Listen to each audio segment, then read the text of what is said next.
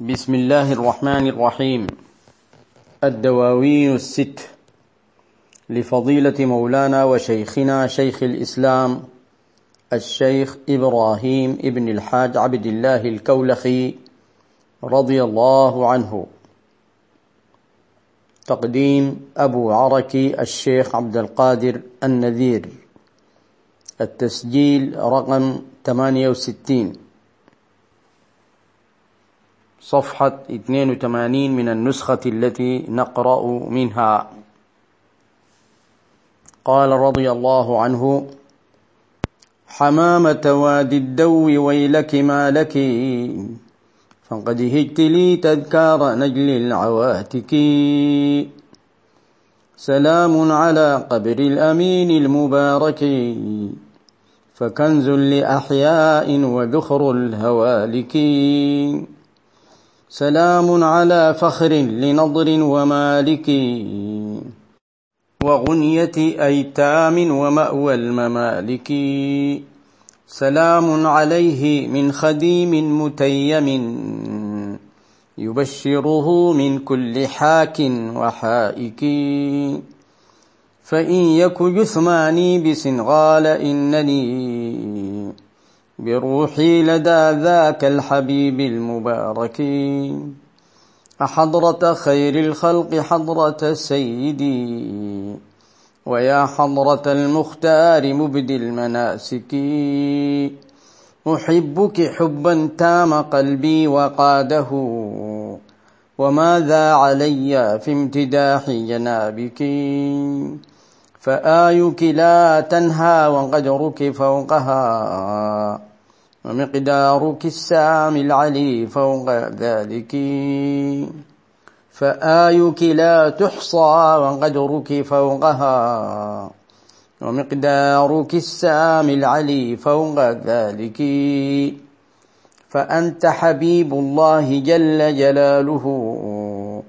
وأولاك ما أولاك غير مشارك. سرى بك ليلا ثم أدناك جاذبا. وفزت بسر فات خاطر سالك. خرجت من الأكوان والسر ساميا. وفت اعتلاء كل حي وهالك. وغبت عن المكنون والغيب راقيا وفت لعمري كل دار ودارك. أيا حي يا قيوم يا رب هب لنا نصيبا من السر العزيز المدارك. وتجعلني دهري خديم جنابه. بنفسي وروحي مخلصا عند مالكي أراني عبدا ساءه سوء حاله. فلم يك يرجو غير محض تداركي. يظنون بي خيرا ولا خير إنما رأوا حضرة المحبوب ستر يمالك. رأوا حضرة المحبوب ستر يمالك. فلا تفضحا يوم الوقوف مقصرا وكل يا مولاي منجي الممالك وكل يا مولاي منجى الممالك. فقد ضاع عمري والسفاهة كاسمها. فهل من شفيع في وهل من مدارك. وضيعت عمري في التكاسل والونا. فويلك هذه النفس أعظم بدائك. وصفت لمرضى الناس كل دوائهم. فويلك شر النفس من لدوائك. فآه لإبراهيم إن دام هكذا وآه لإبراهيم إن لم تداركي على أنه من حسن ظن لربه ليرجو منالا فوق كل سوالك على أنه من حسن ظن بربه.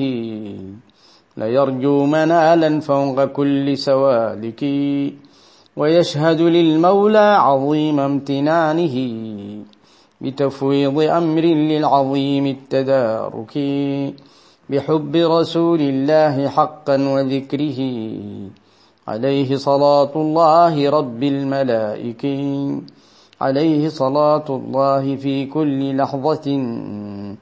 وآل وصحب والمقيم المناسك.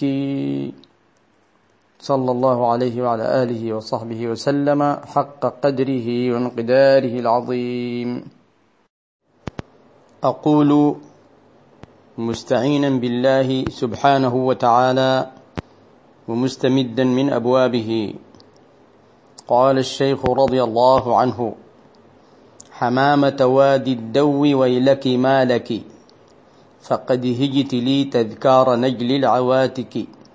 يا حمامة ينادي حمامة وادي الدو. واد اسمه وادي الدو هو يحيي حمامته. وكان هكذا كثير من عادات الشعراء أنهم ينادون الطيور وينادون الحمام لأن الحمام بصوته الشجي يذكرهم الأحباب. ويعيد إليهم الأحزان. حمامة وادي الدوي الشيخ رضي الله تعالى عنه. يعني عندنا شاعر مثلا يقول أقول وقد ناحت بقربي حمامة أيا جارتا هل تشعرين بحالي؟ فالشيخ هنا يقول حمامة وادي الدو ويلك ما لك فقد هجت لي تذكار نجل العواتك بصوتك الشجي هذا هيجت لي تذكر نجل العواتك ابن العواتك وهو النبي صلى الله عليه وعلى آله وصحبه وسلم. وكثيرا ما تردد ذكر الحمام والذكرى بهذه الطريقة في ديوان الشيخ وفي شعره رضي الله تعالى عنه. من ذلك مثلا ما مر علينا من قوله أساجل فيه الورق ليلي وجيرتي نيام وجفني كالمذانب مغرما. وقال كذلك عليه صلاة الله ما ذر شارق وغنت حمامات على الغصن تسجع. فقد هجت لي تذكار نجل العواتك. ابن العواتك. والعواتك بالتاء جمع عاتكة. اسم لامرأة. وأصلا العاتكة هي المضمخة بالطيب. ورد في الأخبار أن النبي صلى الله عليه وعلى آله وصحبه وسلم قال أنا ابن العواتك. في حديث رواه الطبراني بسند صحيح. وفي رواية أخرى زيادة كلهن طاهرات سيدات. وكلهن من جدات النبي صلى الله عليه وعلى آله وصحبه وسلم من جهة آه، قريش ومن جهة غيرها. وقيل إنهن ثلاث. وأوصلهم البعض إلى اثني عشر أو اثنتي عشرة جدة اسمها عاتكة وذكرت أسماؤهن في كثير من الكتب كأنساب الأشراف. فقد هجت لي تذكار نجل العواتك. سلام على قبر الأمين المبارك. يسلم الشيخ رضي الله تعالى عنه على النبي صلى الله عليه وسلم وعلى قبره المبارك. فكنز لأحياء وذخر الهوالك. هذا المكان وهذا النبي صلى الله عليه وسلم كنز للأحياء وذخر للهوالك الذين هم الأموات. سلام على فخر لنضر ومالك. سلام على من تفتخر به نسبته وأنسابه. نضر ومالك في نسبه صلى الله عليه وسلم. ابن مالك ابن النضر. بل كل قريش تفتخر به صلى الله عليه وعلى آله وصحبه وسلم. وغنية أيتام غنية معطوف على المجرور. هنا في الطباعة مكتوب وغنية. يمكن أن تكون على الاستئناف وهو غنية ولكن الجر واضح.